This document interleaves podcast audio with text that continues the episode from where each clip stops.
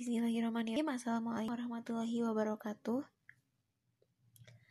Selamat pagi anak-anak. Hari ini kita akan kembali belajar IPS. Eh, semoga hari ini kita semua dalam keadaan sehat walafiat sehingga bisa mengikuti pembelajaran hari ini dengan baik. Sebelum kita mulai pembelajarannya, marilah kita berdoa terlebih dahulu. Berdoa dalam hati mulai berdoa selesai. Hari ini kita akan membahas mengenai kondisi alam negara-negara di dunia. Salah satunya kita akan membahas mengenai negara Jepang. Nah, negara Jepang itu merupakan negara industri yang produknya sudah merambah ke berbagai berbagai negara di dunia. Tiap hari kita pasti sering melihat kendaraan bermotor produksi Jepang itu berlalu lalang di jalan-jalan di Indonesia. Nah, negara Jepang ini terletak di barat Laut Samudra Pasifik. Negara ini berbatasan di sebelah barat dengan Korea Utara, Korea Selatan, dan Rusia. Di sebelah utara berbatasan dengan Laut Okhotsk. Di sebelah timur dengan Samudra Pasifik dan di sebelah selatan berbatasan dengan Laut Cina Timur, dan Laut Filipina. Jepang memiliki iklim sedang dengan empat musim, yaitu musim semi, musim panas, musim gugur, dan musim dingin. Musim semi dimulai sekitar bulan Maret dan ditandai dengan munculnya kuncup bunga plum. Setelah bunga plum berakhir, kemudian muncul kuncup bunga sakura.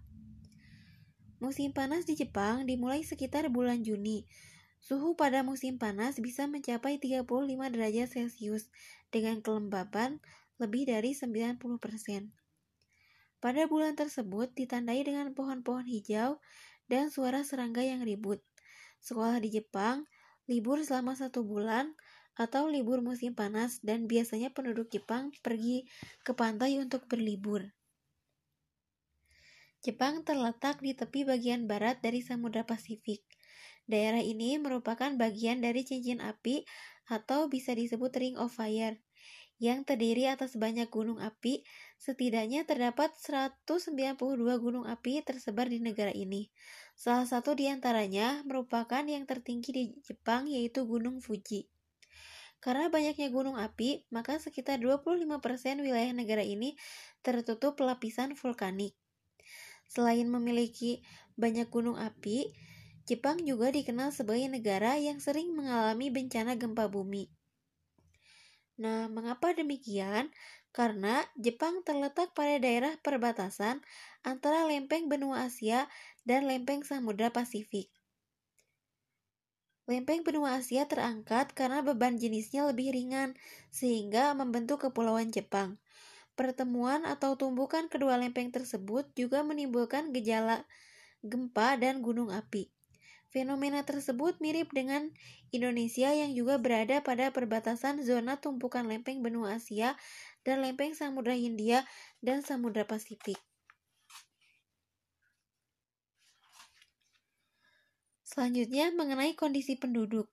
Jepang memiliki penduduk sebesar 126,9 juta jiwa menurut data WPDS tahun 2015.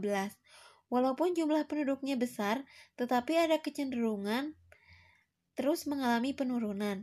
Angka kelahiran di Jepang relatif rendah sehingga terjadi penurunan jumlah penduduk. Pertumbuhan penduduk di Jepang yaitu minus 0,1 persen.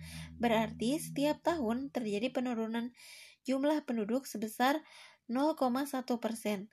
Sementara itu, jumlah penduduk lanjut usia semakin besar jumlahnya karena keadaan kesehatan yang lebih baik. Sebagian besar penduduk Jepang bekerja di luar sektor pertanian.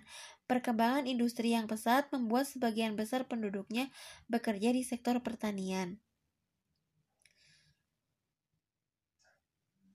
Pada tahun 2013, usia harapan hidup penduduk Jepang mencapai 86 tahun untuk wanita dan 79 tahun untuk pria, atau jika keduanya digabung mencapai 83 tahun. Angka tersebut merupakan yang tertinggi di dunia. Ini menunjukkan bahwa kebiasaan hidup sehat dan pelayanan kesehatan di Jepang sangat baik. Banyak hal positif dari orang Jepang yang patut kita teladani, yaitu bekerja keras, rasa malu, hidup hemat, loyalitas, inovasi, pantang menyerah, budaya membaca, kemandirian, dan menjaga tradisi. Baik, itu saja yang dapat uh, saya sampaikan untuk pembelajaran hari ini. Semoga kita dapat bertemu lagi di pertemuan selanjutnya. Terima kasih. Wassalamualaikum warahmatullahi wabarakatuh.